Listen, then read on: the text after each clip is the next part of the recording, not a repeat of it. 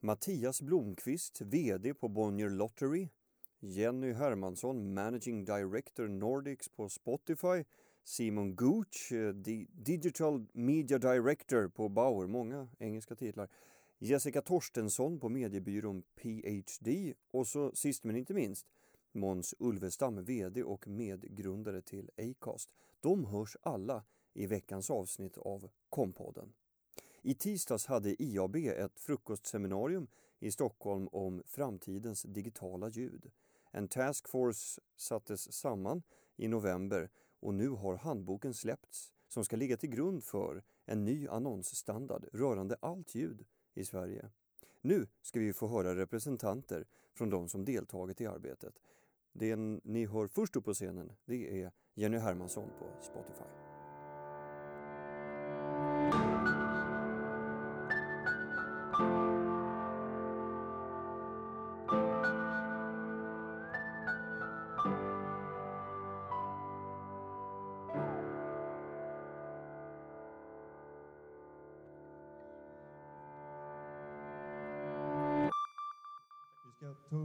Nästa person, Jenny Hermansson från Spotify. Välkommen upp på scenen. Eh, idag Managing Director på Spotify Nordics. Eh, vad härligt. Började 2009 på Spotify förstår du som och idag då, sju, då som säljare eh, yes. och idag sju år senare. Typ hela mitt gamla team sitter här. Ja. Vilka är ni? Hade du bara en i teamet? Ja, det var Anders. Ja, okay. Ja. Eh, du, har, skulle du säga att säljarna på Spotify har ett tuffare uppdrag framför sig idag än vad du hade 2009 när du började? Nej. Nej. Det var tufft då. det var tufft då Nej, absolut, det tycker jag faktiskt att de har. Det är en mycket större utmaning idag för det finns fler aktörer på marknaden. Spotify har funnits ganska länge. Vi levde väldigt mycket på vårt nya spännande momentum back in the days. Så att, men de gör det bra. Mm. Mm. Ja, du kan eh, sitta ner under tiden som vi välkomnar upp nästa panelmedlem på scenen. Då är Simon Gooch från Bauer. Välkommen upp! Digital Media Director. Eh, och även ansvarig förstår jag för radioplattformen Radioplay. Det stämmer, ja. Du, om, nu har vi ju hört en massa olika härliga lösningar under morgonen här. Om du skulle ge liksom hisspitchen, vad är USPen för just Radioplay? Vad har den som andra inte har? Hisspitchen på Radioplay då? Um, det är en plattform som består av tre ben. Konsumentprodukten som ni ser i appen och på webben. Det är också vår internal admin-system för oss och för våra partners för att ladda upp ljud och um, publicera våra radiostationer. Men det är också vår annonslösning där vi kan erbjuda uh, dynamiska lösningar för att integrera dynamiska ljudspottar i live-radio eller i podcasts. Ja. Så är det. Det är bra. Vi kom till femman ungefär. Perfekt. Tack så mycket. Eh, Måns Ulvestam, VD och grundare på Acast. Eh, välkommen upp.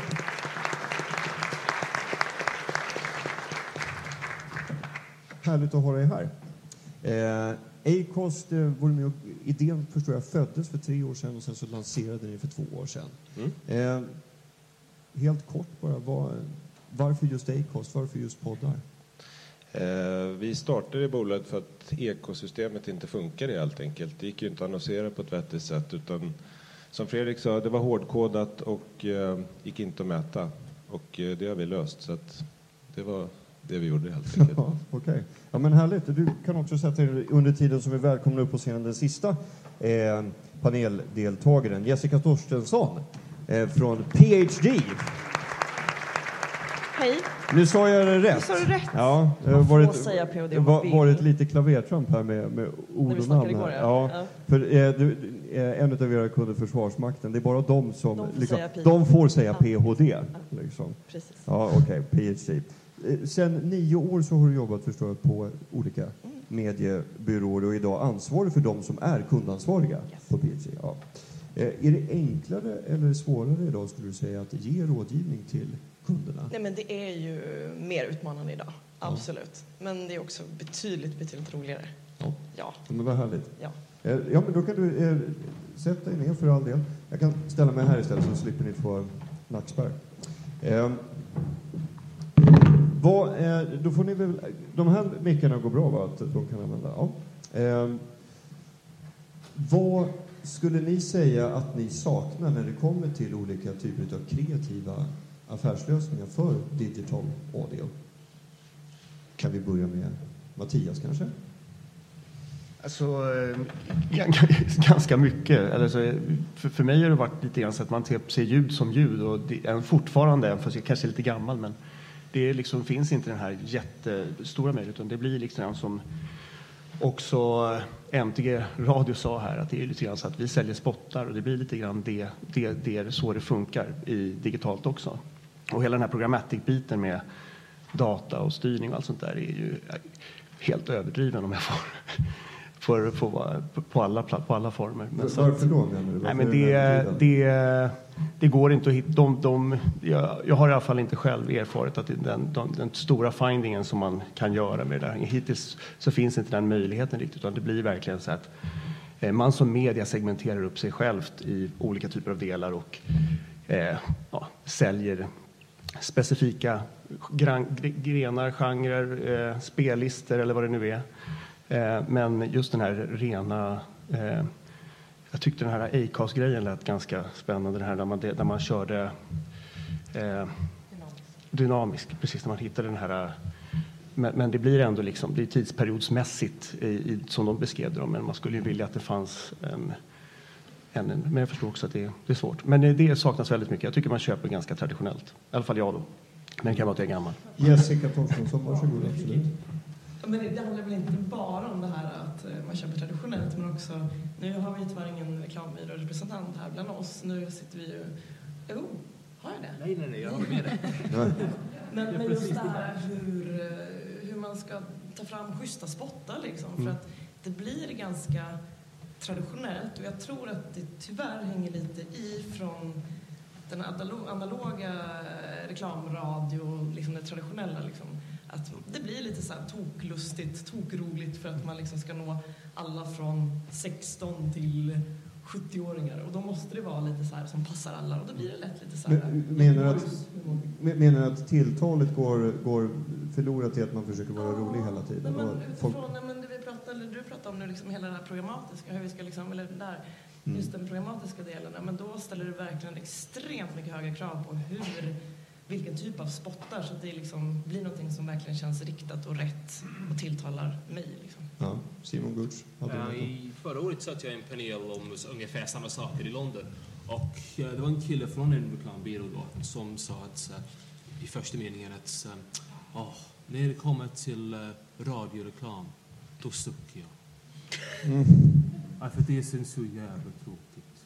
Och sen, två minuter senare, kommer frågorna på podcasts. Då säger han Ja, jag har alltid velat göra en podcastreklam. Det finns så mycket man skulle kunna göra kreativt i podcastreklam.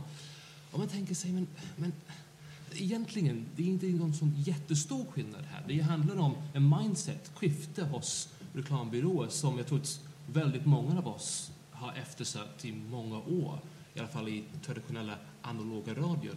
Och jag tror att den digitala ger oss en möjlighet att jobba betydligt, betydligt mer med reklambyråer. Och det är just en av sakerna som den här taskforcen, tycker jag, kan driva framåt. Ja, jag, ja, ja, absolut. Vi tar det Om man jämför med linjär radio, som ju ofta står på i bakgrunden, no offense till eh, de som jobbar med det, så är ju eh, podcast eller digitalt ljud oftast aktivt val. Jag väljer, nu vill jag lyssna på det här för det här är jag intresserad av. Då behöver man ju till exempel inte som man behöver på linjär radiospotta säga eh, avsändaren 20 gånger för att då tror ju den som lyssnar att avsändaren är dum i huvudet. Därför att du har ju hörlurar på dig så du hör ju faktiskt vad någon säger. Därför skulle jag vilja rekommendera folk som annonserar, i alla fall i podcast, att det räcker med en gång. Folk hör och de är intresserade. Så det är ju en stor skillnad och jag tror att det är det vi menar.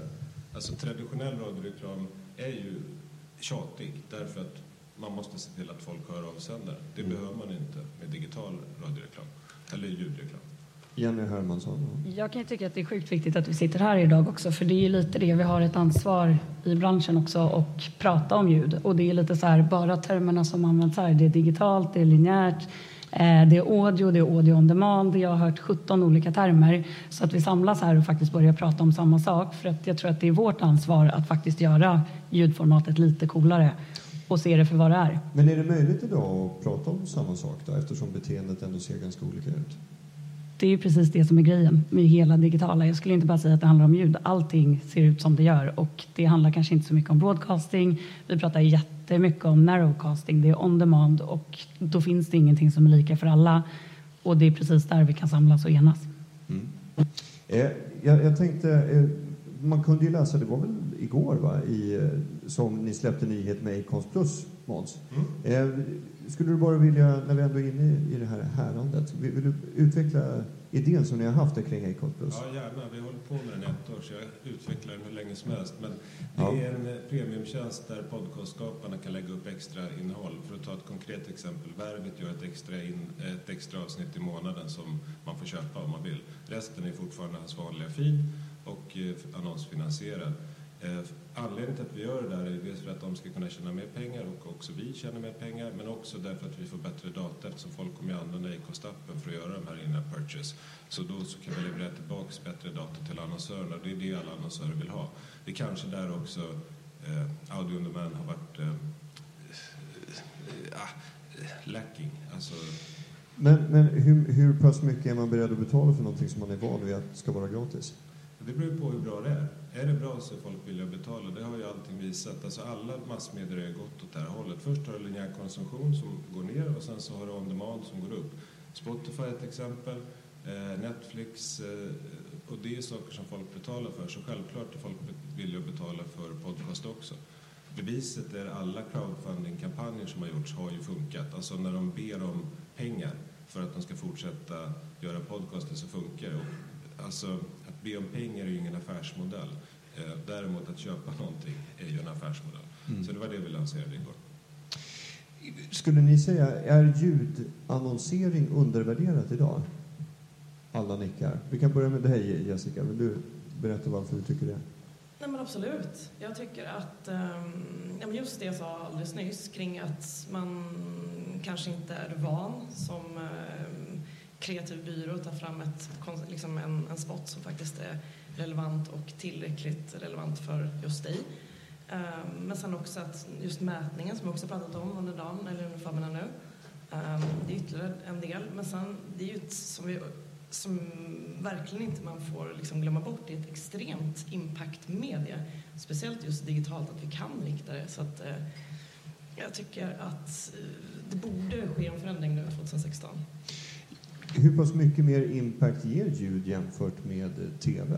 Är det någon som har något att någon Det är bara att liksom prata kring det du eh, precis sa, just att man har sin, liksom, man har hörlurarna och man sitter och eh, det är du och annonsören som verkligen får en liksom, one-to-one-dialog. Eh, om vi pratar linjär-tv så är det ett helt annat tittande.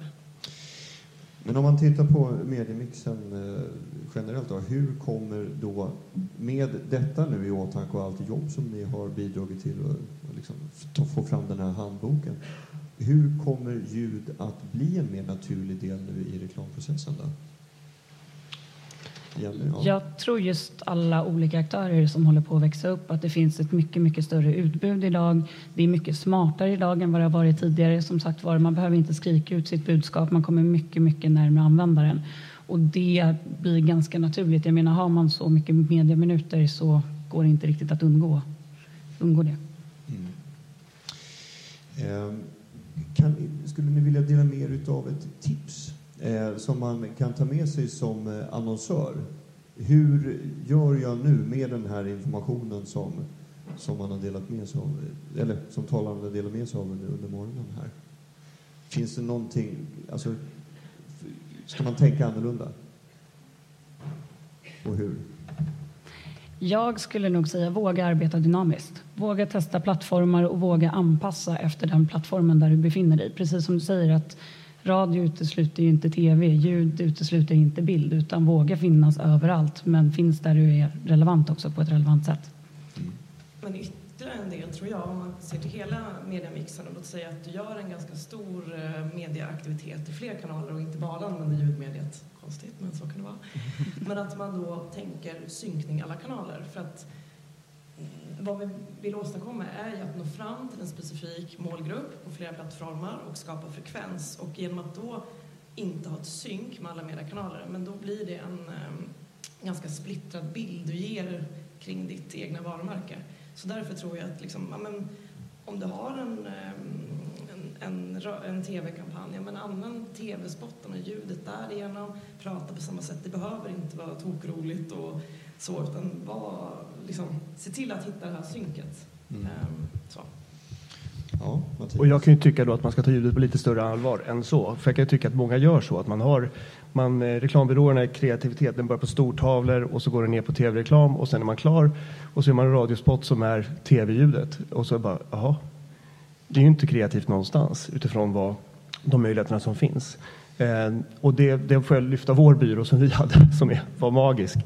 Eh, de skapade en möjlighet för oss att vara väldigt relevanta. Så vi hade ju en spot som gick på morgon som handlade om morgontrafiken. En spot som gick vid lunch som handlade om att spela på, på, på, på lunchen på sig. Vi skulle kunna haft en spot på Spotify som vi inte hade. Att vad trist att reklamen börjar, men turen vänder snart. Du får snart lyssna på den låt igen här. Vi skulle kunna gjort massor med roliga, kreativa grejer med det formatet som vi tog fram. Och då hade de, de tänkte i alla plattformar gjorde, gjorde samma typ av kreativa höjd på all, alla medier. Och det, jag tror att man som köpare behöver kravställa hårt på reklambyrån för där någonstans, det man får ut där går liksom inte att göra. Ni kan inte trolla med det. Alltså på mediebyrån kan inte trolla med skräp. Ja. det är dessutom, vi pratat om att ljud eller radio tidigare har varit kostnadseffektiv i väldigt många år.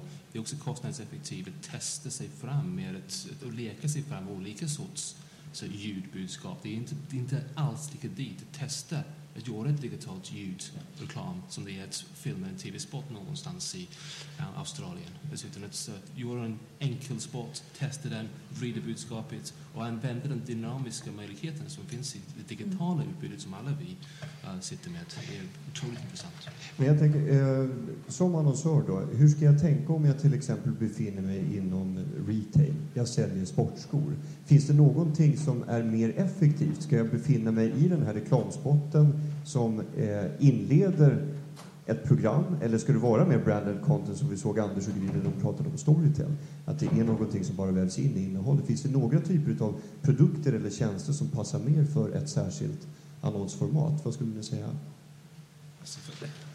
Måns? Ja, det är som med all marknadsföring. Du måste ju först hitta de som vill köpa sportskorna och sen nå dem på så effektivt sätt som möjligt. Och det tror jag ljud kan vara en absolut en del i mixen. Det går ju att styra på geografi, på tid, på liksom kön, intresse, ålder, alla möjliga saker. Ehm, så att, ehm, det, det, är inget, inget konstigare än någonting annat egentligen. Det som har förändrats de senaste åren är ju just att det finns bättre mätmetoder och att det går att rikta budskap. Där var ju Spotify gick i bräschen för det, så det kan vi vara glada för nu. När, när vi ändå har dig på tråden här, du, eh, när vi pratade igår lite grann inför den här paneldebatten så, så ville du peka på tydligheten i att särskilja poddar från annat ljud. Vill du utveckla det lite grann? Ja, alltså, ja det, det, kan jag göra. Skillnaden mellan en podd och live-radio till exempel då, det är ju att live är ju live, det pågår ju hela tiden, det kan hända oväntade saker så, och så vidare. Men det är ju inte scripted på samma sätt som en podcast. En podcastare ägnar ju hela veckan åt att skriva sitt manus, repetera, spela in, fixa med ljudet och det där och sen så släpper de 40 minuter på måndag. Och sen så ägnar de en hel vecka åt att producera. Så att varje, till och med amatörpoddare, alltså folk eh, som poddar som amatörer är ju väldigt högkvalitativa i sitt innehåll därför att de lägger så mycket tid på förberedelser och inspelning kontra live. Så där är det ju lite skillnad jämfört med radio. Det, eh, det tror jag man kanske kan tänka på också. På sonens förskola så fick eh, alla barnen prata om vad föräldrarna jobbar med. Och så var det en utav eh, eh, killarna där som sa min pappa jobbar i garderoben. Eh, och så var det en utav förskollärarna som gärna ville, eh, ha någon bild på det? Ja, då såg hon ju, han skötte ju en ganska framgångsrik podcast i kalsonger i garderoben med en högkvalitativ ljudbild. Så man behöver inte vara, det finns ju en anledning till varför det heter Radio Eh, är det någon som eh, har en fråga från publiken så eh, nu har vi fortfarande några minuter kvar. Eh, så finns det möjlighet för er att ställa den. Allt är glasklart, då går vi vidare. Eh, vi pratade om det här med ton och tilltal. Vi har ju varit inne på det att eh, vi har ju att se framför oss en annan typ av mediekonsumtion. Hur ska det anpassas eller hur ska det kommersiella budskapen anpassas efter det? Vad skulle ni säga?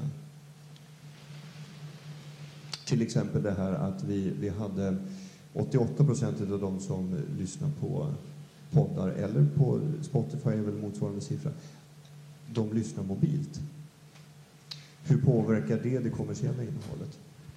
Alltså jag tror fortfarande det handlar om relevans. Och sen så också någonting som vi pratar mycket om när vi pratar om produktutveckling är att våga AB-testa också. Att ta fram två olika, som sagt det är kostnadseffektivt med ljudreklam. Man behöver inte åka till Australien det är jätteenkelt att ta fram. Jätteenkelt säger jag. Hoppas det inte sitter någon reklambyrå här. um, men det är väldigt det är billigt format att plocka fram. Så plocka fram två stycken, testa på olika plattformar, testa vart de funkar. Tänk också på relevansen i form av tid på dagen, vart de kan tänkas konsumera. Är det i mobilen? Är det på skärmen? Och sen också tänka på att använder man mobilen, vad gör man när man, är på, när man kör mobilen till exempel? Träna på gym, man tar inte med laptopen. Så att det finns tänk steget längre. Mm. Jag hoppas och tror att um, de egenskaper som vi pratar om kring poddar eller kring Spotify eller kring hur man konsumerar med hörlurar kan också spela över till radio, till traditionell radioreklam. Um, när man konsumerar Radio Play är så långt över merparten med lurar på också. Um, om man uh, lyssnar på, så en tredjedel av radiolyssning i Sverige är i bilen och väldigt mycket personer är där helt fast och lyssnar där. Och kvaliteten på den radioreklamen också kan ökas. Vilka annonsörer skulle ni säga har kommit längst? Vilka är i framkant när det gäller att tänka på lite mer kreativa lösningar? Det känns som att man måste säga If eftersom att de har nämnts ganska många gånger idag. Ja.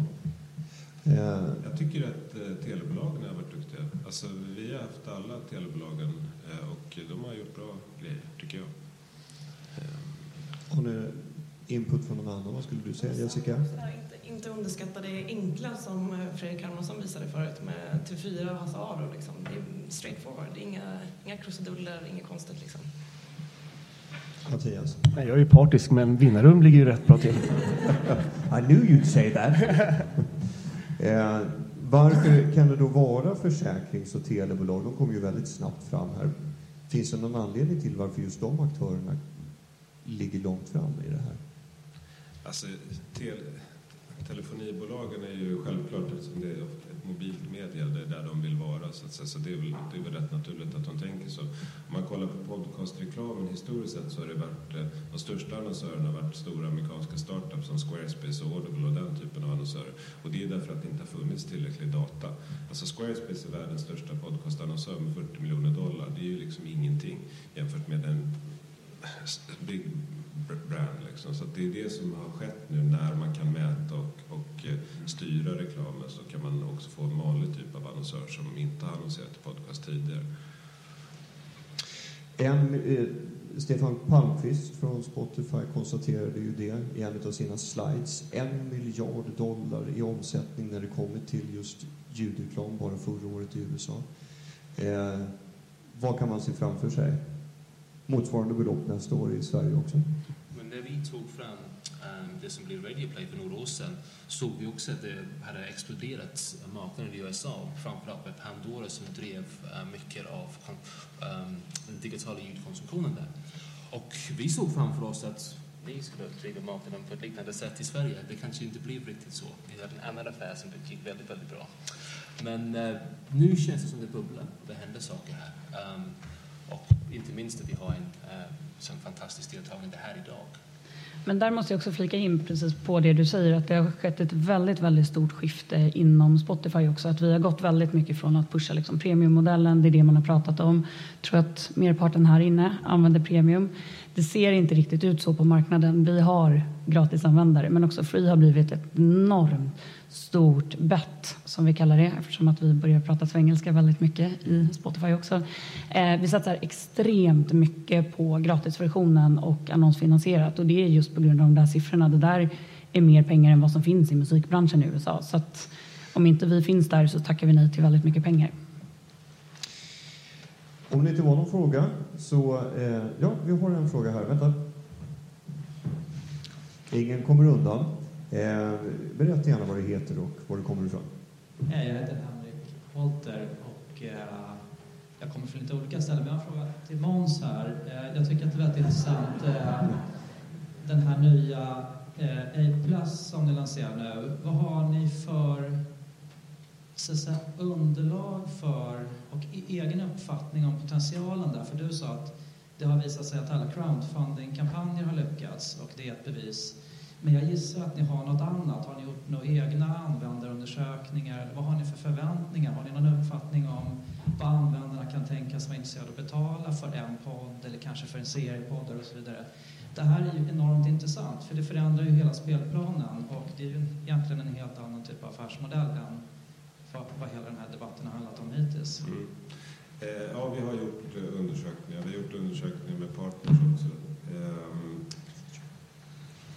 jag, jag, kan inte gå in på siffrorna, men, men vi har ju eh, fortsatt bygga den i rasande takt därför att vi uppenbarligen tror att den fungerar. Eh, när det gäller prissättning så är det lite olika. Om jag ska vara lite generell så är alla villiga att betala liksom 10 dollar i månaden för all världens musik, vilket det där är ett exempel på. Men alla kommer inte vara villiga att betala 10 dollar i månaden för all världens podcast, för så lyssnar man inte på podcast, utan jag lyssnar på de tre, fyra poddar som jag tycker är bra när jag har tid. Därför vill jag inte betala för de andra.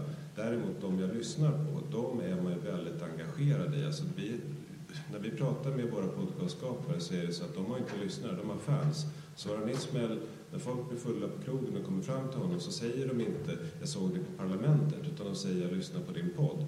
Och det är ju liksom därför vi tror att det här kommer att funka. Ehm, förlåt om jag var lite otydlig men vi vill inte berätta allt vi vet heller. Nej, det ska man inte göra. Det är bra. Ehm, Speciellt inte för någon som kommer från flera olika ställen. eh, ja, har vi någon mer fråga? Nej, i sådana fall så, vi, vi ska ju eh, runda av lite Stefan, så då eh, med en rungande applåd så tackar vi Mattias Blomqvist, Jenny Hermansson, Simon Gusch, Måns Ulvestam och Jessica Torstensson. Stort tack för att ni tog er tid att vara med.